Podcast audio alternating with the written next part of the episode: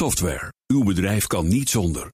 Maar hoeveel u ook investeert, u loopt steeds tegen de grenzen van uw systemen.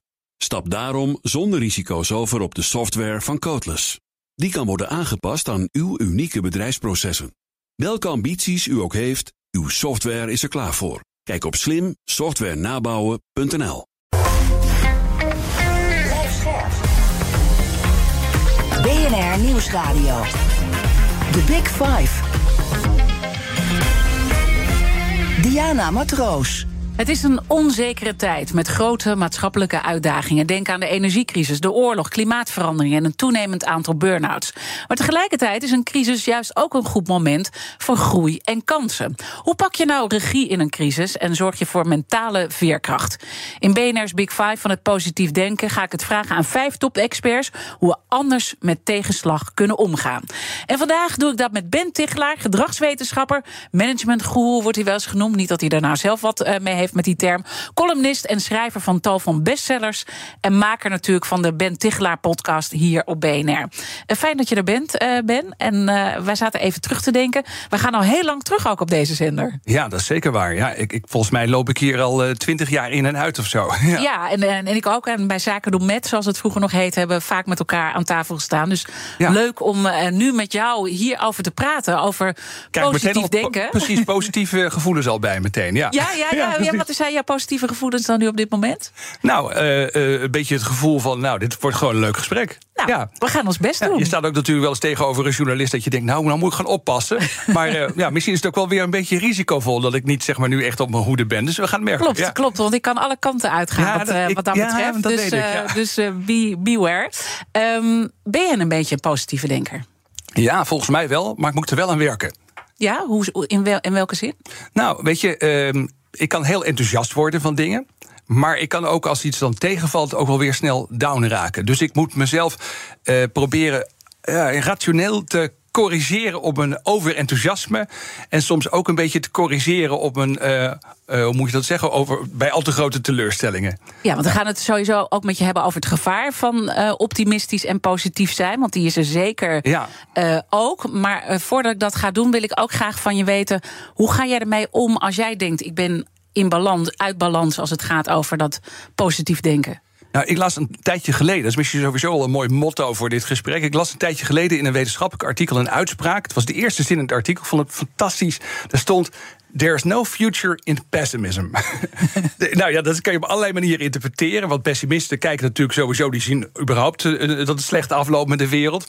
Maar uh, pessimisme heeft in die zin ook geen toekomst. Je hebt er niks aan. Het leidt tot passiviteit. Je kijkt naar de wereld om je heen. Er gaat natuurlijk van alles mis in deze wereld, laten we eerlijk zijn. Uh, maar als je daar op een pessimistische manier naar kijkt, dan. Ja, dan zak je alleen maar verder in, zou je kunnen zeggen. Dus dat is voor mij ook een soort uh, overtuiging, een soort gedachte. Dat ik denk, ja, als ik dingen zie waarvan ik denk dat is echt niet goed, of het nou in het klein is, in ons Ja. gezin, of in een bedrijf, of in het groot in de wereld.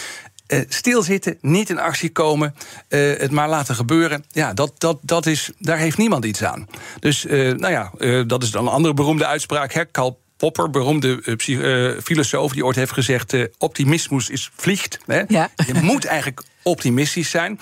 En dat is weer vanuit dezelfde grondgedachte. Niet omdat optimisme altijd realistisch is, maar het is de enige manier om ja, in deze wereld positieve dingen tot stand te brengen. Nou, uh, weten we van jou dat religie voor jou heel erg belangrijk is. Uh, je Ja. bent christen. Uh, en daar zit natuurlijk ook hoop, geloof en liefde in. Is Ja. dat ook wat jou heel erg helpt om dan aan die positieve kant te komen? Ja, ook wel. Ja, dat, dat speelt zeker wel een rol in mijn leven op die manier. Ja. Ja. Ja, hoe helpt het jou? Nou, ehm, een van de dingen die je bijvoorbeeld doet. Kijk, als je gelovig bent, kan je dat op allerlei manieren doen. Hè? Maar ik vind het ook wel belangrijk om dat eh, een plek te geven wat betreft eh, routines in mijn leven. Dus ik probeer, dat lukt niet elke dag, maar ik probeer iedere dag te beginnen met bijvoorbeeld of iets te luisteren of iets te lezen, zeg maar, wat met geloof te maken heeft. En dat betekent dat je je dag eigenlijk vanaf het eerste moment dat je actief gaat worden, eh, op een bepaald spoor zet. Nou, Als je nou niet gelovig bent, kun je dat natuurlijk ook op een andere manier doen. Je kunt een gedicht lezen of iets anders wat je mooi vindt. Of je luistert naar muziek, zeg maar, die je in goede stemming brengt. Sommige mensen mediteren in de ochtend. Het zijn allemaal manieren om ervoor te zorgen dat je je leven in een bepaalde richting eigenlijk uh, gaat bewegen. Vanaf de eerste momenten dat je actief bent. En dat helpt echt. Ja, en want is dat dan ook wetenschappelijk bewezen? Want jij bent natuurlijk ook gedragswetenschapper. Hè, dus je bekijkt ook alles vanuit de wetenschap. Eh, is dit echt aangetoond? Nou ja, dat is altijd een beetje lastig. Dat zou ik echt even moeten zoeken. Uh, ik ervaar in ieder geval zelf dat het heel goed werkt voor mij. En dat is natuurlijk altijd een beetje het lastige met ook met onderzoeken waar we het straks nog wel over gaan hebben. Het gaat altijd over gemiddeldes. Dus we zitten in uh, al die research uh, die er voorbij komt over ja, wat optimisme met mensen doet, wat positieve emoties in het werk bijvoorbeeld kunnen betekenen. er zullen altijd mensen zijn die er naar luisteren die zeggen: Nou ja, dat herken ik niet. Nee, nee dat klopt. Ja. er zijn ook mensen die zeggen: Nou, ik herken dat veel sterker dan wat die Tichelaar daar zegt. Ja, dat klopt ook, omdat het altijd over gemiddeldes gaat. Je zegt dus die religie is voor mij uh, belangrijk. Toch is de Bijbel ook doorspekt van hele heftige uh, verhalen. En Jazeker. Uh, heel oordelend ook uh, in, in sommige opzichten. Hoe, hoe, pak jij dan toch dat positieve uit? Ja, nou, ik denk dat het oordelen dat hangt er een klein beetje vanaf. Hè. Als je de Bijbel als geheel leest en je kijkt naar het grote verhaal, dan loopt het goed af. Ja. ja. En dat is uiteindelijk waar het om gaat. En dat er onderweg heel veel misgaat, ja, dat is natuurlijk ook wat. Dat is een heel realistisch boek. Dus wat je natuurlijk dagelijks in het leven ook hier ziet. Dus vooral het Oude Testament, nou ja, bedoel, voor de mensen die er niet zo mee thuis zijn meer, dat kan natuurlijk, maar het het eerste gedeelte, de eerste helft, zal ik maar zeggen. Nou, is de eerste drie kwart eigenlijk. uh, ja, daar gaat het ook heel vaak mis, zodat mensen allerlei domme dingen doen. Dat gaat echt van uh, verraad, overspel, moord, uh, drama, drama. Ja, dat gaat achter elkaar door. En dat is denk ik ook het aspect rechtvaardigheid wat we daarbij verliezen. Want dat is natuurlijk in het geloof ook heel erg belangrijk. Ja, absoluut. En als het dan zeg maar, en want vaak zeggen mensen, je noemde net oordeel, hè, en dan gaat het over, ja, uh, God is ook wel vaak kwaad in de Bijbel. Ja, maar klopt. Maar dan wel over dit soort dingen. Over dat arme mensen verdrukt worden. Uh, het gaat altijd over de weduwe en wezen, zeg maar, in de oude gedeelte. Hè. Mm -hmm. Dus de, de zwakste mensen in de samenleving, als die vertrapt worden, dan is er ook veel boosheid. Maar ja, dat lijkt me helemaal terecht. Ja, en, zijn, en, en en komt het dan, als je kijkt, hè, want als, als we gewoon even kijken naar de samenleving, we hebben er geen onderzoek allebei naar gedaan, maar je, je ziet natuurlijk genoeg verhalen en onderzoeken ook uh, voorbij komen. Zo heel lekker gaat het uh, niet. Even los van alle crisis waar we mee geconfronteerd nee. worden, maar ook hoe we met elkaar omgaan. Het is erg. Nou, negatief? Ja, in, op dit moment. Ja. Het zit er nu vlak voor de kerst. Er ja. zijn heel veel bedrijven vooral een beetje de Anglo-Saxische bedrijven, die nog even kijken wie ze eruit kunnen jassen voor de kerst. Dat gebeurt ook in mijn vriendenkring. Ja. Dus er zijn mensen die gewoon in deze weken te horen krijgen. Mensen die soms uh, al jaren trouw zeg maar, uh, hard werken voor een bedrijf. Die in deze weken te horen krijgen. Ja, dat stopt. Ja, jammer. Over. Hè, ja, van de een op de andere dag. Wat tegen die mensen willen zeggen? Ja, dat is dus heel erg. Uh, uh, ja, dat is echt van deze wereld. En dat is ook wel een beetje van deze tijd. Maar het is wel. Uh, ja, het is, het is een fact of life dat je daarmee te maken hebt. Dus in die zin, uh, optimisme of positief denken betekent voor mij ook niet dat je denkt, nou, alles komt vanzelf wel goed. Mm -hmm. Nee, vanzelf gaan dingen vaak naar de knoppen, als ik heel eerlijk ben. Het betekent voor mij dat je probeert actief in je denken en in je handelen iets goeds teweeg te brengen. Maar je moet er natuurlijk wel hard voor werken. En is daar dan die uh, positieve psychologie een hele mooie psychologie om aan te werken, ook op de werkvloer? Ja, ik denk het wel. Hoewel ik ook daarover wel een vraag heb. Ook over trouwens voor de gast van morgen alweer. Moest ik voorbereiden dat je. Ja, ja, ja, ja, zeker. Ja, ik heb en, een vraag. Gaan we zeker ja, zo doen. Ja. En uh, dat, dat heeft ook een beetje mee te maken dat het ook weer kan doorschieten. Dus dat je denkt, ah, handig, positieve psychologie. Daarmee kan ik mensen nog harder laten werken. en, en, dat is denk dus je kan er ook misbruik van maken. Zeker, ja, maar dat geldt voor alle psychologische inzichten. Ja, maar als je toch er iets uit zou willen halen uh, van die positieve psychologie op de werkvloer, misschien allereerst wat is het? Nou, uh, positieve psychologie heeft al een hele lange historie, zou je kunnen zeggen. Er wordt al heel lang, uh, zolang als er psychologie is, zeg maar, wetenschappelijke psychologie, daar praten we een beetje over het einde van de 19e eeuw dat het begon, waren er ook mensen die al zeiden van ja, het is goed om te kijken of je kunt werken aan je manier van denken. Dus dat je bijvoorbeeld positiever gaat denken. Nou, William James was een hele vroege psycholoog, die, die zei dat al. Dus dat gaat al meer dan 100 jaar terug. Uh, mensen hebben wel eens gehoord van Abraham Maslow, he, van de Maslow-pyramide. Dat was ja, ook zeker, iemand die, die pleitte voor zeg maar, meer positief, uh, positiviteit en menselijkheid in de psychologie. Maar de grote denker uh, op dat gebied eigenlijk van de laatste jaren, dat is Martin Seligman. En Martin Seligman is een hele beroemde psycholoog die in de wetenschap ook heel erg uh, gezien is. Hij is zelfs, uh, dat heet dan president geweest van de American Psychological Association. Nou, dat is echt de grote psychologenclub in de wereld. En toen hij dat was, dat was eind jaren negentig, toen zei hij: we moeten echt uh, een nieuwe stap maken in de psychologie. We hebben altijd gekeken naar hoe we mensen die het eigenlijk ja, waar het slecht mee gaat, hè, zeg maar die op, die op min 10 zitten, hoe we die naar nul kunnen krijgen. Mm -hmm. Maar we moeten meer gaan kijken naar de vraag van als mensen die op nul zitten, uh, ja, wat zijn de goede, de sterke en de mooie kanten van mensen? Hoe kun je die verder versterken? Dus van 0 naar plus 10. Nou, dat heeft hij, of dat heeft eigenlijk, heeft hij samen met een groep mensen, heeft dat de positieve psychologie, positive ja. psychology genoemd. En dat is denk ik wel een hele grote vernieuwing in de psychologie geweest in de afgelopen, nou ja, ongeveer nu uh, zo'n uh, zo'n uh, dikke 20 jaar. Want wat is de grootste verandering met hoe het dan vroeger naar gekeken werd? Nou, dit gaat dus ook al heel lang terug. Maar... Maar ja, psychologen waren toch in toenemende mate in de decennia daarvoor bezig met wat er allemaal mis kon gaan met mensen. Dus allerlei negatieve afwijkingen zeg maar, van het normale. En uh, de positieve psychologie is geïnteresseerd in de goede en de mooie en de sterke kanten van mensen. Dus de talenten van mensen of de uh, vaardigheden, hoe je die verder kunt ontwikkelen. Vriendschap, positieve emoties, uh, zoals dankbaarheid bijvoorbeeld. Nou, allemaal belangrijke dingen die het mensenleven de moeite waard maken. En daar was eigenlijk in de psychologie weinig serieuze wetenschappelijke aandacht voor. The Big Five. Diana Matroos. Mijn gast is Ben Tichelaar, gedragswetenschapper, columnist en schrijver van een heel veel bestsellers. Uh, je zegt die positieve, positieve psychologie, moeilijk hoort om uit te spreken, ja. uh, die kan je heel veel uh, brengen. Die zou de werkvloer ook heel veel kunnen brengen. en de psychologen zijn daar steeds meer mee bezig gegaan, maar zijn de leidinggevenden daar ook mee bezig gegaan? Nou ja, dat, dat is, er zitten meerdere kanten aan. Kijk, als je met leidinggevenden spreekt, uh, zoals ik af en toe de gelegenheid heb als ik cursussen geef bijvoorbeeld. Als je met leidinggevenden spreekt uit Nederlandse bedrijven, maar ook daarbuiten, uh, op een rustige dag, dan snapt iedereen hoe belangrijk het is om te investeren in mensen. In goede relaties, in uh, rust, uh, ja. ruimte, regelmatig, wat allemaal belangrijk is. Um, maar in het dagelijkse leven hebben het verschrikkelijk druk. En uh, is het ook wel een beetje zo dat het leiderschap in Nederland in de Nederlandse bedrijf, meeste bedrijven is uitgekleed.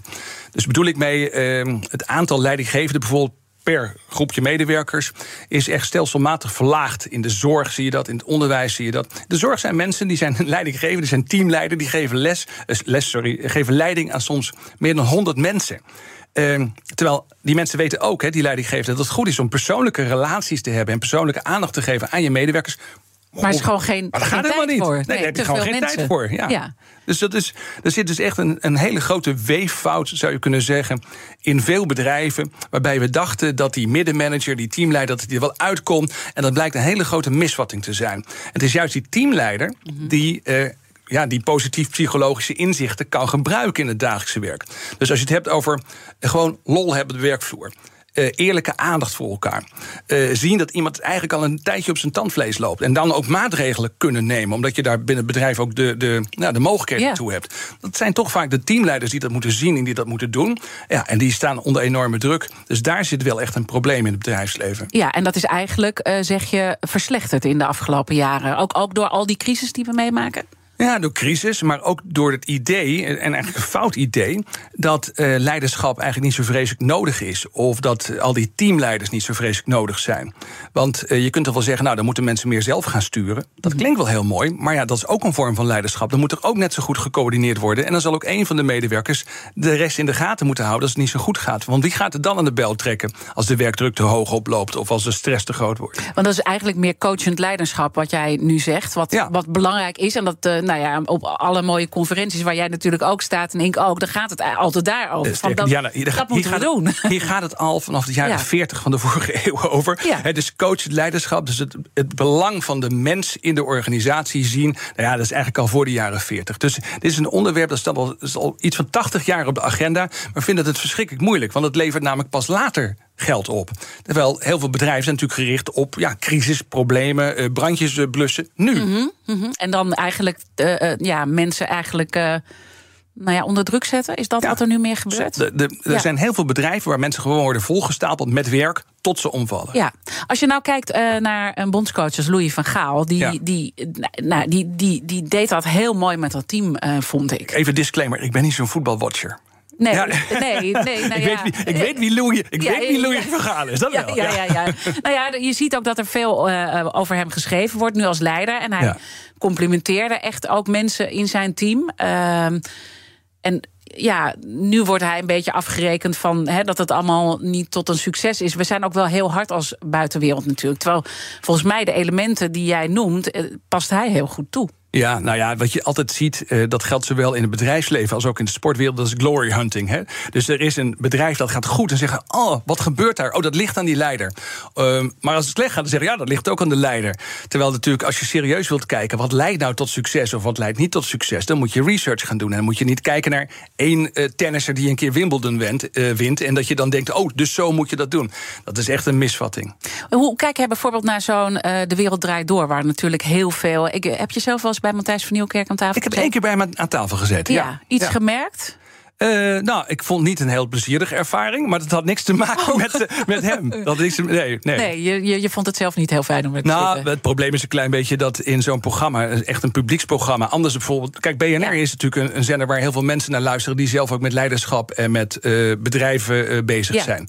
Maar dat geldt niet voor de wereld draait door. Dus alles wat daar zeg maar vanuit de bedrijfskant kwam, of vanuit leiderschap of dat soort zaken, of, of management, nog erger, hè, dat werd een beetje als een soort met, met, met wantrouwen bekeken. Dus ik werd echt met wantrouwen bekeken. Want dit is iemand die houdt zich bezig met management. Nou ja, ik denk bij mezelf, ja, jullie managen toch je eigen redactie ook, denk ik dan. Ja, Maar ja, dat, dat is dan toch voor het publiek wordt het een soort kunstje uitgehaald dan zo van alsof ze daar niet, dan niet mee bezig zijn. Maar het is dan interessant om te kijken wat er daar gebeurt. Hè? Want deze week gaat weliswaar over positief denken. Maar als je het over positief denken hebt, moet je het ook hebben over negatief denken. Zeker, ja. Uh, en we hebben heel veel verhalen nu intussen gehoord van hoe zoiets gaat. En dat eigenlijk ja, die negatieve houding door andere mensen ook wordt overgenomen. En dat zegt iets over een, een nou, bedrijfscultuur. Hoe kijk jij naar dat, dat, eigenlijk dat experiment de wereld draait door? Ja, nou, ik, wat ik er heel interessant aan vind, is dat. Uh, heel veel mensen naar uh, die situatie bij de Wereld Door nu achteraf kijken. En daar heel verbaasd over zijn. Dat is eigenlijk het meest opmerkelijke. Ja. Want in ieder bedrijf zie je dit soort dingen wel gebeuren. Als de stress te hoog oploopt, wordt zelfs de aardigste leidinggevende, de meest creatieve uh, leidinggevende of collega uh, met wie je altijd goed door, door de één deur kunt, dat wordt gewoon een, een, dat wordt een hork. Onder druk onder enorme stress, zeker als die lang duurt, gaan mensen gewoon uh, agressief, raar, afwijkend gedrag dat, tonen. Dat dragen we allemaal in ons. Ja, zeker. En dat gaat helemaal vanzelf. Uh, de grap is eigenlijk, je zou kunnen zeggen, vanzelf gaan de dingen vanzelf in de kloten. Dat, dat is uh, het ja. negatieve sfeer, een angstcultuur in een bedrijf ontstaat vanzelf. Hoef je niks aan te doen. Want wanneer er negatieve dingen gebeuren, bijvoorbeeld, heeft het op mensen een hele grote impact. Uh, als ik onder stress sta en ik doe eens een keer onvriendelijk tegen mensen, gaan ze echt heel hard rennen. En dat, dat versterkt nog misschien wel dat, dat type gedrag. Dus ja, we hebben eigenlijk niet de tijd voor, maar er zitten hele merkwaardige psychologische principes in. Nou ja, ik vind het wel interessant. Ja. Leg maar uit. Nou, um, even heel simpel. Als je tegen iemand, uh, als je iemand probeert te bevestigen in wat hij doet, mm. met een compliment. Uh, hebben we allemaal geleerd dat dat goed werkt. Dat klopt, dat werkt ook. Maar het duurt lang. Je zult een tijd lang zeg maar, moeten investeren in een relatie voordat je daar echt de resultaten van ziet. Het is bijna hetzelfde als met uh, afvallen of eigenlijk alle andere dingen, zeg maar, als het gaat om dingen in de menselijke staat verbeteren. Je moet langdurig investeren voor positieve resultaten. Maar er is ook vaak een shortcut. En die shortcut is dat je bijvoorbeeld even heel boos wordt op iemand. Dan gaat hij knetterhard rennen. Uh, iemand doet iets wat je niet wil. Je, je geeft hem een draai om zijn oren, je slaat met je vuist op tafel en het stopt meteen. En het gekke is dat jij daardoor meteen bevestiging krijgt op dat gedrag. Ja. Dus het agressief ingrijpen wordt heel vaak direct beloond. Niet beloond in de zin met complimenten. Ik, dit werkt. Ik heb de boel onder controle. Je brein zegt eigenlijk, ja. dit werkt. Je brein ziet direct effect, direct resultaat wat je doet. En dat is een, uh, een ondermijnend en een heel lastig fenomeen. En zo zijn er allerlei andere mechanismen die er ook voor zorgen... dat eigenlijk negativiteit en angst heel makkelijk postvatten in een... Uh, groep mensen in een werkomgeving. Dat gaat echt vanzelf. Dus als het idee bestaat bij mensen zo van, nou, uh, een angstcultuur, daar moet je aan werken. Of een negatieve werksfeer, ja, daar heeft iemand zeg maar, heeft erover ja. nagedacht, die wilde dat. Nee, dat ontstaat echt vanzelf. De andere kant, een positief werkklimaat. Uh, vriendschappelijk met elkaar omgaan, uh, elkaar becomplimenteren, rust op de werkvloer, daar moet je hard aan werken. Dat, is, dat kost veel moeite. En, dat, en dat is dus moeilijk, want je ziet niet dat het direct beloond wordt. Dus Precies. dan denk je, moet ik nou weer een compliment gaan je geven? Moet weken, je moet weken, ja. maanden investeren om zeg maar stelselmatig aan die relatie te werken. En dan ga je pas echt die resultaten zien, zoals bijvoorbeeld meer creativiteit, dat mensen zich meer durven uit te spreken, dat mensen elkaar meer gunnen, dat er in de samenwerking meer, minder dingen misgaan omdat mensen elkaar kennen. Vriendschap is uh, eh, niet iets wat zeg maar alleen maar leuk is voor erbij op het werk. Ik bedoel, ik vind het in zichzelf heel waardevol. Maar het blijkt dat wanneer afdelingen met elkaar samenwerken in bedrijven en dat mensen daar onderling vriendschappelijke relaties hebben, worden er veel minder fouten gemaakt. Want mensen flikkeren het niet over de schutting. Maar ze praten met iemand die ze kennen en dragen dan het werk over. Dus dat heeft... juist heel cruciaal in crisistijd om dat te doen. Terwijl de reflex is natuurlijk, er moet zoveel gedaan worden. We moeten opschieten, want we moeten dit en dat en dat nog allemaal doen. Ja, nou ja, en het rare is dus bij uh, positief denken of positieve psychologie... dat sommige mensen wel eens een beetje daar meesmuilend over doen... alsof dat een soort van gemakzuchtige manier van denken is. Maar het is precies het omgekeerde. Werken aan positiviteit, werken aan optimisme in een bedrijf... werken aan vriendschap, goede relaties dat kost echt moeite. Ja. En negatief doen en kritisch doen en, en uh, cynisch doen, dat gaat echt vanzelf. Dat is, dat is, dat is de makkelijke weg. Wat uh, Lucia Rijker ook uh, gisteren zei bij mij, is dat het ook heel belangrijk is in, in zo'n cultuur om iemand niet te verafgoden. Want dat is natuurlijk ook wel wat er bij Matthijs van Nieuwkerk is gebeurd, die stond ook op zo'n uh, voetstuk. En dat is eigenlijk ook vergif voor zo iemand die je ook in een eenzame positie brengt. En dat doet ook iets met de cultuur. Ben je het met Zeker. eens? Ja, dat doet niet alleen iets met de cultuur, maar ook met jou als persoon. Er is klassiek onderzoek, dat is een beroemde psycholoog, die heet eh, Dekker Keltner. Die heeft uh, testjes gedaan, bijvoorbeeld even, even een simpel voorbeeld. Het e-, testje, wat echt een fantastisch leuk onderzoek was. Dan zetten die mensen in een groep, die moesten met elkaar samenwerken. En tijdens de samenwerking kregen ze dan een schaal met koekjes. En dan was er van tevoren in de samenwerking was iemand door loting aangewezen als leider. Dus je kwam gewoon binnen en zei: Nou, jij bent uh, strootjes trekken, jij bent nu even leider van het groepje. En dan werd er dus die, die, schaal koekjes gebracht en er lag één koekje meer op dan dat er mensen waren. En dan is de vraag: wie pakt het laatste koekje? Nou, in de meeste gevallen, statistisch significant, diegene die per toeval net tot leider is benoemd. Dus leiderschap, macht krijgen, in een bepaalde positie worden gezet, doet per direct iets met je brein. Je gaat, en het is een van de dingen die ze hebben onderzocht, die, die uit, research, uit die research naar voren komen, is: je gaat meer aan jezelf denken. Je wordt egocentrischer. Ja, dus dat gaat eigenlijk ook heel makkelijk. Hè? Dat is dus eigenlijk. Uh, Opnieuw. Ja. En laten we dan straks in het, het tweede deel praten hoe we dan kunnen werken aan die positieve psychologie. Want daar heb je vast een heel aantal tips voor. Daar sta je ook ja. onbekend uh, in je columns in NRC. Ik praat dus straks verder met gedragswetenschapper Ben Tichelaar over de moeizame weg ook tot verandering. Blijf luisteren. Geen enkele ondernemer wil zich laten tegenhouden door software. U bent ambitieus en wilt groeien. Codeless vernieuwt, bouwt en onderhoudt software die altijd perfect aansluit op uw unieke bedrijfsprocessen. Zodat u de beste software heeft voor uw bedrijf en ambities. Nu, morgen en over 30 jaar. Kijk op slimsoftwarenabouwen.nl. Je hebt aardig wat vermogen opgebouwd. En daar zit je dan, met je ton op de bank. Wel een beetje saai, hè? Wil jij, als belegger, onderdeel zijn van het verleden of van de toekomst? Bridgefund is een slimme fintech die een brug slaat tussen de financiële behoeften van ondernemers en van beleggers. Dus wie belegt bij Bridgefund krijgt niet alleen een mooie vaste rente, maar brengt ook ondernemers in beweging. Echt waar, met die ton kan je zoveel betere dingen doen. Bridgefund. Make money smile.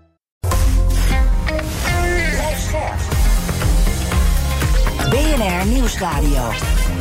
The Big Five. Diana Matroos. Welkom bij tweede half uur. Deze week praat ik met vijf kopstukken uit de wereld van het positief denken. Later deze week praat ik nog met filosoof en schrijver Stini Jensen over het belang van filosofie voor kinderen en jongeren. Mijn gast vandaag is Ben Tichelaar, gedragswetenschapper en leiderschapsexpert. En komend half uur wil ik in ieder geval nog twee onderwerpen met je bespreken, namelijk de valkuilen van optimisme en positief denken en de moeizame weg eh, naar verandering. Want je hebt uh, nou, net ook al aangegeven hoe belangrijk die verandering kan zijn, hoeveel we eruit kunnen halen. Ja. Uh, maar toch um, merk je dat we het moeilijk vinden om te veranderen. Waarom vinden we het zo moeilijk om die draai te maken? Nou ja, een heel groot deel van de dingen die we op een dag doen bestaat uit de routines. Uh, en binnen die routines zitten er weer heel veel gewoontes, als je het even netjes wilt zeggen. Dus we hebben heel veel patroontjes, gedragspatroontjes die we uh, vaak herhalen. Als je er even over nadenkt en je gaat dus echt even kijken naar jezelf. Hoeveel van wat ik vandaag doe, doe ik voor de allereerste keer? Mm -hmm. Dat is bijna niks. Nee, nee, nee, klopt. Nee, bijna alles wat je doet op een dag heb je vaker gedaan. Dus dat betekent dat dat al een beetje, tot, in, tot op zekere hoogte is dat ingeslepen gedrag. En uh, dat veranderen is gewoon heel moeilijk. Omdat uh, gedrag dat je vaak herhaalt, trekt ook letterlijk fysieke sporen in je brein.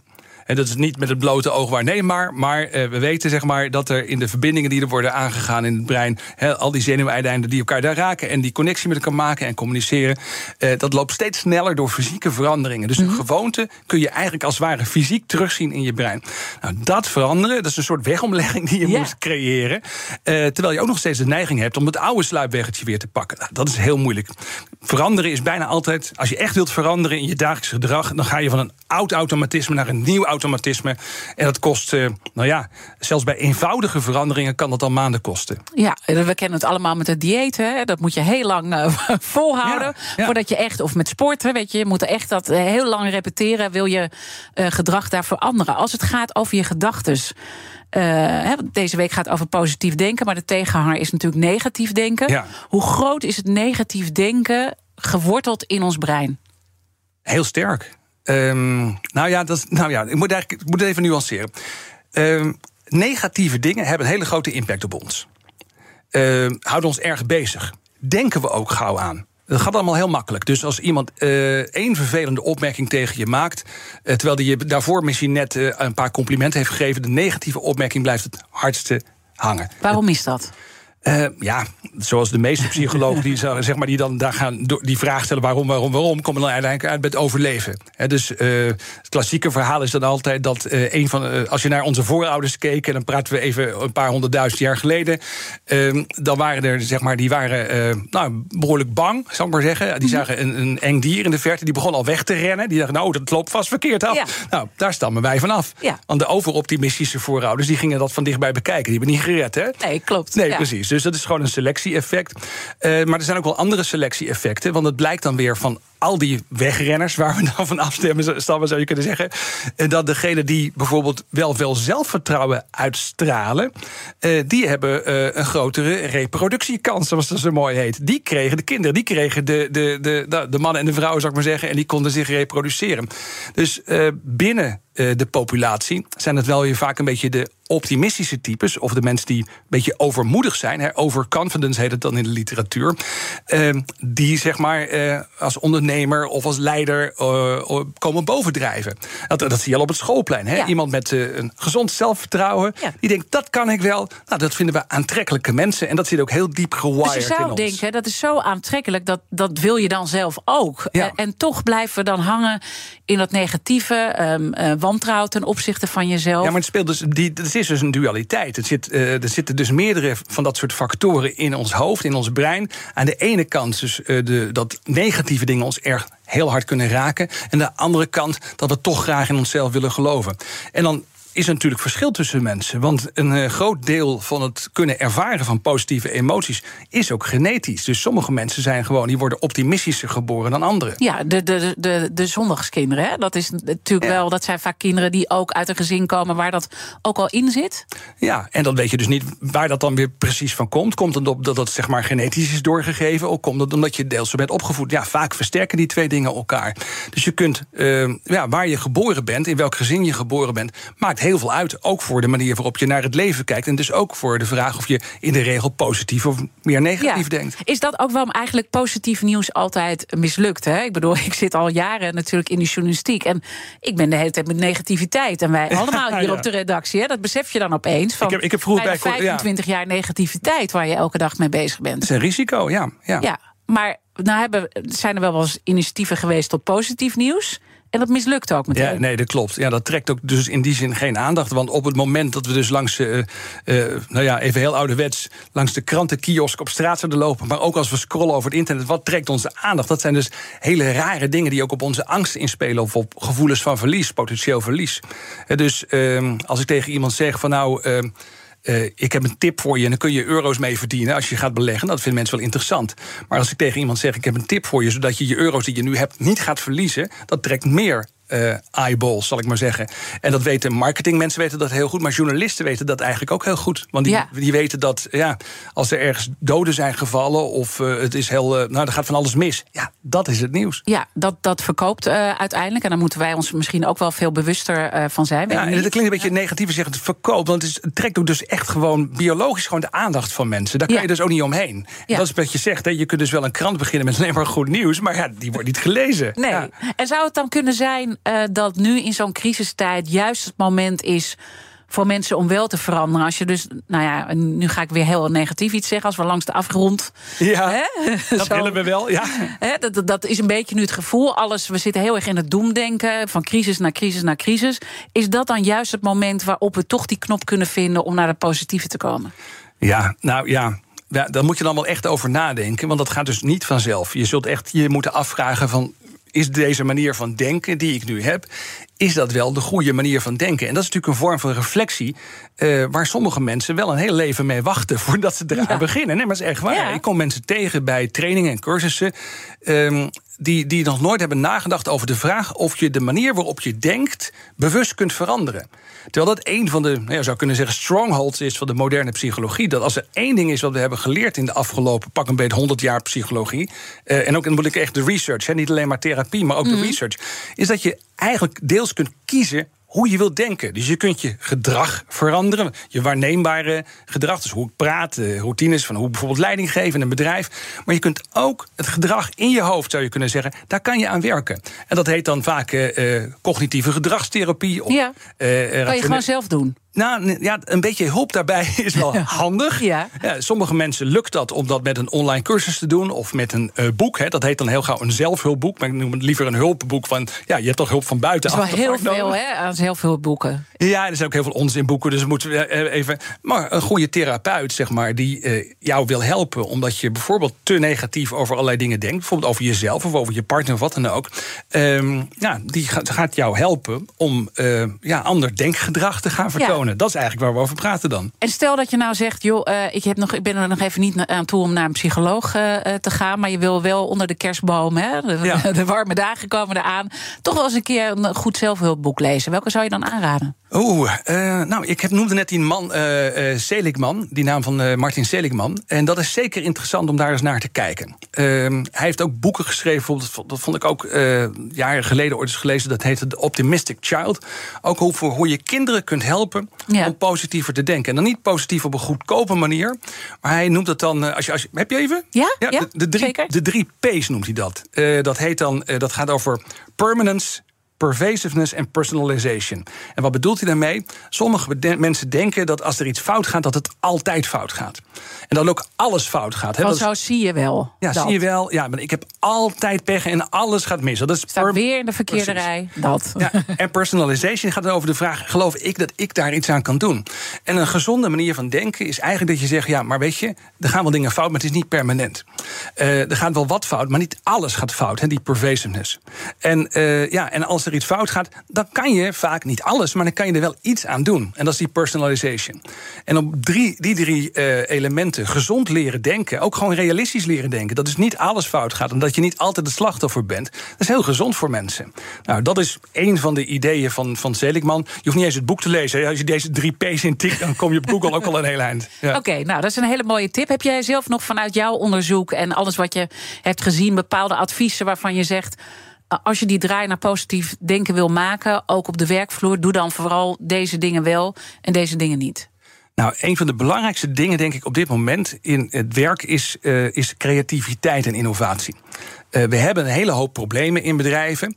En die problemen die moeten we oplossen met creativiteit, met ideeën. En dan niet alleen maar ideeën van een paar zogenaamd briljante mensen, maar van eigenlijk de ideeën van iedereen. En als je wilt dat die creativiteit een duw krijgt, een, een, positieve duw, dan zijn positieve emoties ontzettend belangrijk. Eén uh, ding weten we, dat is dan onderzoek van Barbara Fredrickson, ook een hele beroemde psycholoog. Uh, dat wanneer je uh, negatief denkt of, of gestrest bent, dan vernauwt je denken zich. Dan wordt het heel moeilijk om de leuke, de goede, de mooie en de, en de, de kansen gewoon te zien. Mm -hmm. Terwijl op het moment dat je in een goede bui bent, onder vrienden, het is gezellig, zie je overal kansen. En de kunst is zeg maar om uh, die positieve emoties op de werkvloer een duw te geven, om die, om die aan te wakkeren. Dat is in zichzelf gewoon goed. Het leven ja. wordt er gewoon echt veel leuker van. En we, we brengen heel veel tijd op de werkvloer door. Dus ik zou het in zichzelf wel goed vinden. Maar het heeft dus ook gewoon echt een positief uh, effect op creativiteit, op samenwerking. Maar name die creativiteit die is op dit moment uh, essentieel. Software. Uw bedrijf kan niet zonder. Maar hoeveel u ook investeert, u loopt steeds tegen de grenzen van uw systemen. Stap daarom zonder risico's over op de software van Codeless. Die kan worden aangepast aan uw unieke bedrijfsprocessen. Welke ambities u ook heeft, uw software is er klaar voor. Kijk op slimsoftwarenabouwen.nl. Je hebt aardig wat vermogen opgebouwd. En daar zit je dan, met je ton op de bank. Wel een beetje saai, hè? Wil jij, als belegger, onderdeel zijn van het verleden of van de toekomst? Bridgefund is een slimme fintech die een brug slaat tussen de financiële behoeften van ondernemers en van beleggers. Dus wie belegt bij Bridgefund krijgt niet alleen een mooie vaste rente, maar brengt ook ondernemers in beweging. Echt waar. Met die ton kan je zoveel betere dingen doen. Bridgefund. Make money smile. BNR Nieuwsradio. The Big Five. Diana Matroos. Je luistert naar BNR's Big Five van het positief denken. Later deze week praat ik nog met landschapsarchitect en voormalig rijksbouwmeester Floris Alkemade over het belang van verbeeldingskracht om de grote uitdagingen van deze tijd aan te pakken. Mijn gast vandaag is Ben Tichelaar, gedragswetenschapper en leiderschapsexpert. En mijn gasten stellen elkaar vragen via de kettingvraag. Ik sprak uh, gisteren met Lucia Rijker, meervoudig wereldkampioen boksen en kickboksen, maar ook boeddhist en coach van het tv-programma Dream School. Jij zit ook in nieuwe seizoen heb ik begrepen. Ja, het was ontzettend leuk om dat te doen. Ja, heb je iets, heb je iets geleerd over jezelf? Nou ja, over mezelf. Maar ook, uh, het, is, uh, het is ongelooflijk dankbaar om met een groepje hele jonge mensen... die toch iets van, van hun leven willen maken, om daar uh, mee op te trekken. Ik mocht twee keer langskomen als leraar. En ehm, nou ja, ik heb gelukkig een hele hoop coaching van mijn vrouw gehad. Want die, die werkt zelf in het onderwijs. En Kijk. dit moet je wel doen, Ben. En dat moet je vooral niet doen. En dat heeft gelukkig een beetje geholpen. Ik hoop maar dat die jongeren het zelf ook leuk vonden. Oké, okay, wanneer kunnen we het zien? Uh, even kijken, vanaf januari is het op televisie. En ik weet niet precies in welke aflevering ik voorbij kom. Maar alle, af, nee, maar alle afleveringen zijn goed. Het is hartstikke leuk. Ik ben Allemaal zelf leuk. ook docent geweest in uh, Dream School. Vond het heel confronterend. Ja. Uh, omdat je gewoon, ja, je wordt toch even op gewezen dat bepaalde standaard dingen niet, niet werken. Dus je wordt zelf heel erg uitgedaagd.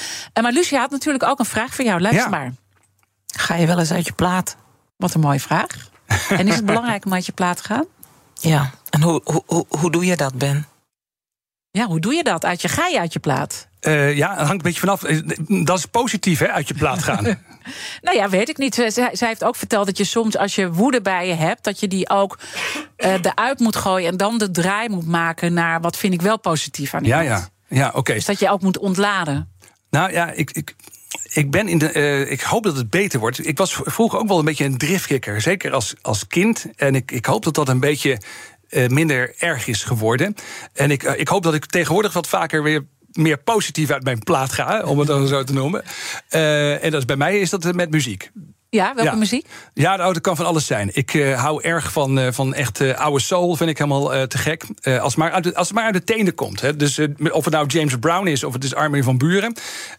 als ik het gevoel heb dat er drive in muziek zit. Hard rock vind ik ook, weet je wel. Ja. Ik kan in de auto zitten en oude van die recht op meneer rock'n'roll van Van Halen horen. Vind ik helemaal fantastisch. Ja. ja. En, en misschien is dat ook wel belangrijk als het gaat over positief denken. Dat je ook uh, zorgt voor jezelf. Want we zijn ook allemaal zo druk dat we zo functioneel soms bezig zijn. Ja. Uh, dat je dus vergeet te ontladen en, en, en uit je uh, dak te gaan. Of, of ja, nou, daar kan ik nog wel een verhaal over vertellen. Ja. Want ik heb regelmatig gemerkt, dat is alweer jaren geleden hoor, dat ik dan bijvoorbeeld thuis kwam van een, een dag werken. Wij wonen in Soest. Dan ga je vaak vanaf de A28 rijden nog een paar minuten voordat je dan thuis bent. En ik heb op een gegeven moment voor mezelf de, de regel ingesteld, die gebruik ik nog steeds. Als ik van de snelweg afkom, dan denk ik niet meer aan werk. Dus even, ja, heel flauw, maar dan zet ik BNR dus ook uit. Oh. ja, nee, het is, het is echt helemaal echt heel dan erg. Van Helen aan. En dan gaat Van Helen aan of andere muziek. En dan die laatste minuten, voordat ik thuis ben, uh, draai ik altijd... en wat ik trouwens ook helemaal fantastisch vind... Uh, ja, het ging over geloof. In deze tijd echt een luistertip. Muziek van Kirk Franklin. Dat is gospel, maar dan uh, heftige gospel. Heel erg leuk. Oké, okay, leuk. En dat geeft mij zoveel goede energie. Uh, dan, dan zing ik ook gewoon hard mee in de auto. En dan kom ik thuis en dan ben ik weer opgeladen voor, uh, ja, ook voor gewoon uh, mijn, mijn medeburgers, zou ik maar zeggen. Ja. Ja, ja, dus dat zou ook een belangrijk tip, tip zijn. het is heel simpel, maar het is ja. gewoon heel simpel. Als dan voornemen, als ik van de snelweg af ben, ik ben de laatste minuten naar huis, dan zorgen dat ik stop met denken over werk. Niet meer bellen over werk, maar gewoon even zorgen dat ik nieuwe energie krijg. je was net eigenlijk op het punt beland van dat je dus nou ja, aan die positiviteit op de werkvloer moet werken en zorg dat mensen het leuke met elkaar uh, hebben. Hoe, hoe doe je dat nou? Hè? Want dat, dat was een beetje het bruggetje naar het laatste stuk. Ja, nou, er zijn allerlei dingen die je kunt doen. Maar er is bijvoorbeeld de laatste jaren heel veel aandacht voor uh, psychologische veiligheid in bedrijven. En een van de kenmerken daarin is dat je uh, probeert, dat noemen ze dan waarderend uh, reageren. Dat je appreciative, waarderend kijkt naar wat mensen doen. Dus je stelt vragen aan mensen, je laat mensen meedenken. En dan zeggen mensen, maar even heel flauw, iemand komt met een idee en de idee is 90% slecht. En dan is mijn vraag altijd: waar let jij op? Ja. En dan moet je dus eigenlijk zeggen, als je een goede leidinggevende bent, dan zoek ik naar die 10% die ik wel goed vind. Want daar kan je uit verder bouwen. Ja. En uh, de nadruk leggen op de dingen die niet goed zijn, die verkeerd gaan, wat geen goede ideeën zijn. Wel een keer eerder is gezegd, ja, dat kennen we wel. Dat, aan dat cynisme heb je helemaal niks. De nee, en je hebt natuurlijk heel erg dat effect ook beschreven. Op het moment dat je iets negatiefs zegt, heeft het zoveel impact en gaat het heel makkelijk tot een eigen leven leiden. Nou ja, en het, uh, het is ook het slechte voorbeeld voor de andere collega's, want die gaan dan ook op die manier meedoen. Hè? Dus het we leven natuurlijk heel vaak, als je niet uitkijkt, ook in onze tijd, in een soort kritische cultuur. Bijvoorbeeld, ik weet niet hoe het bij jullie op de redactie is, maar ik heb zelf op redacties gewerkt waarbij het elkaar uh, aanmoedigen, ja. dat, dat bestond niet echt. Het was vooral heel kritisch naar elkaar kijken. Dat werd dan als gezond kritisch, uh, gezond kritisch denken gezien. En dat werd ook zeg maar intellectueel gewaardeerd. Maar ja, uiteindelijk kom je daar als team niks verder mee. De kunst is om waarderend te kijken van wat zit hierin wat goed is, waar wil je verder mee kunnen. Maar uh, jij hebt natuurlijk ook gezegd, laten we ook kijken naar de gevaren van ja, positiviteit. Er zijn dus ook gevaren. Ja. die andere kant met je doornemen. Gaan we daarmee eindigen met de gevaren? Dat is een beetje jammer, vind je niet? Nee, ja, goed. Oké. Maar goed, er zitten ook wel hele leuke dingen in. Ja, nee, er zitten hele grote gevaren in. En zeker uh, als mensen hoog in de boom zitten, bij, zeg maar uh, uh, echt op sea-level, zeg maar binnen bedrijven, daar zitten vaak een beetje overoptimistische mensen. Ja. ja die zijn lekker aan het mediteren wellicht. En, nou, nee, dat, nee dat, dat is denk ik ook nog wel echt een deels, deels genetisch. Mensen die dus al jong zelfvertrouwen uitstraalden, die dachten: ik kan dat wel, ik ga dat varkentje wel even wassen, ik denk dat alles wel goed komt. We willen, als we heel eerlijk zijn, dat soort mensen willen we ook graag natuurlijk als leiders. Ja, He, dus want die mensen, weten duidelijk wat er moet gebeuren. Ja, mensen klagen altijd over Mark Rutte. Zeggen ja, hij lacht altijd en hij uh, doet altijd. land. Ja, precies. ja. Maar ja, tegelijkertijd is hij natuurlijk wel degene die altijd zegt: van nou ja, dat gaan we oplossen. Ja. Ja, en dat willen we graag. We willen graag iemand die zegt: nou, dat gaan we oplossen. En zo komen dus ook soms een beetje overoptimistische mensen komen wel bovendrijven. Dat is trouwens niet alleen in Nederland zo. Maar er is eh, research bijvoorbeeld naar CFO's gedaan. Leidinggevend op alle niveaus. En dat overoptimisme uh, ja, heeft soms ook wel gevaarlijke kanten. Want mensen komen vaak met prognoses van... nou, dit gaat wel lukken. Ja. Uh, we gaan volgend jaar echt een hogere omzet halen. Uh, jongens, dat met die slaapapneuapparaten, dat komt allemaal wel goed. Ja. ja. Nou ja, dus, nou niet, dus uh, niet. Wij hebben de topman destijds, Frans van Houten, hier bij de Big Five gehad. Dat was overigens wel een heel scherp gesprek. Ja. Kunnen mensen nog eens terugluisteren. Ehm, maar goed, daar, daar moet je dus voor waken dat je op dat punt uiteindelijk uitkomt. Hoe, hoe doe je dat dan? Dat je het zorgt dat. want eigenlijk is de les, wees nou is wat meer positief. Ja. Breng dat in die werkcultuur, want dat brengt zo ontzettend veel, maar schiet ook niet door schiet ook niet door. En zeker als je dus aan de top zit en je neemt echt grote beslissingen, eh, zorg dan ook dat je kritisch tegengas organiseert. Dat is een klassiek verhaal natuurlijk, dat, dat kennen heel veel mensen wel. Dat in 1961 had je dat varkensbaai-incident, dat onder Kennedy, dat er uh, uh, van die Cubaanse ballingen, zeg maar, dat die, zeg maar, die zouden wel even het regime van Fidel Castro, wat het toen net was, ja. omverwerpen. Nou, dat is een totale misrekening was, was dat. En daar is later ook psychologisch onderzoek naar gedaan. Irving Janis, een hele beroemde psycholoog, die die uh, heeft dat bekeken. Die zegt, ja, dat is toch een groep mensen, groupthink noemde hij dat, die eigenlijk geen negatieve geluiden ook wilden binnenlaten. het is juist zo goed om in een groep van mensen die allemaal hetzelfde denken, dan ook wel ja, uh, uh, een advocaat van de duivelrol bijvoorbeeld te hebben. Dus je zegt, nou, jij bent van, Diana, jij bent vandaag advocaat van de duivel. Jij moet ook de negatieve kant van dingen durven benoemen in dit gesprek. En die moet je echt gewoon aanwijzen dan? Die moet je aanwijzen, moet je organiseren. Je en moet, iedere keer moet dat iemand anders zijn, denk ja, ik moet iedere keer iemand anders zijn, want anders ben jij op een gegeven moment, ja, heb je haar weer. dus de kunst is om zowel positiviteit bewust te organiseren. Als ook zeg maar negatief tegengas, wat soms nodig is. Ja. Ook dat structureel in te brengen. Dat is gewoon een vergadertechniek. Dat is niet iets wat je op zijn beloop moet laten. Daar moet je over nadenken. Wat een, wat een mooie, mooie tip, uh, dit. Uh, gaan we zelf denk ik ook maar eens hier proberen. Um, de kettingvraag gaat natuurlijk door. Uh, je sorteert er al een beetje op voort. Morgen dan spreek ik Elke Gerards. Zij is psycholoog en oprichter van Better Minds at Work. Wat zou jij willen vragen? kijk, soms is het verwijt dat eh, werkgevers en ook allerlei consultants, waar, waarvan elke er ook eentje is, dat die de positieve psychologie vooral zien als een soort goede business case. Dus lekker positief maken die mensen, gaan ze harder werken. Eh, in plaats van iets wat in zichzelf de moeite waard is. En ik ben heel benieuwd hoe zij naar kijkt. Eh, dat is toch een beetje een spanning. Ik denk dat zij eh, het heel belangrijk vindt dat mensen veerkracht hebben. Ook gewoon voor mensen zelf. Maar ze krijgt natuurlijk opdrachten. En dat is een beetje risico voor mij. Je krijgt opdrachten vanuit mensen eh, die vaak denken: ah, daar kunnen we wat mee. Dat is, dat is een goede business case.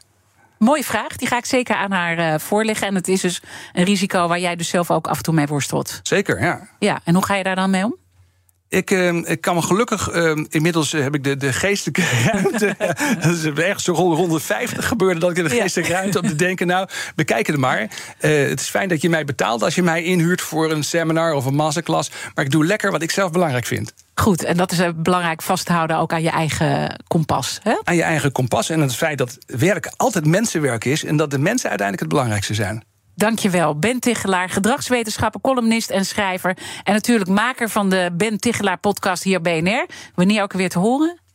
Uh, eens in de twee weken een nieuwe aflevering, maar iedere week nieuwe content. Ja, en maar op woensdag geloof ik, hè? Wordt die op woensdag, ja. Op woensdag ja, wordt die gepubliceerd. Ja. En uh, BNR's Big Five is natuurlijk ook als podcast uh, terug te luisteren. Ga naar je favoriete podcastkanaal. Dan weet je zeker uh, dat je niks mist als je abonneert op onze podcast. Maar heel belangrijk, blijf live. Zometeen Ivan Verrips met BNR breekt. Ik wens je een mooie dag. Geen enkele ondernemer wil zich laten tegenhouden door software. U bent ambitieus en wilt groeien. Codeless vernieuwt, bouwt en onderhoudt software die altijd perfect aansluit op uw unieke bedrijfsprocessen. Zodat u de beste software heeft voor uw bedrijf en ambities. Nu, morgen en over 30 jaar. Kijk op slimsoftwarenabouwen.nl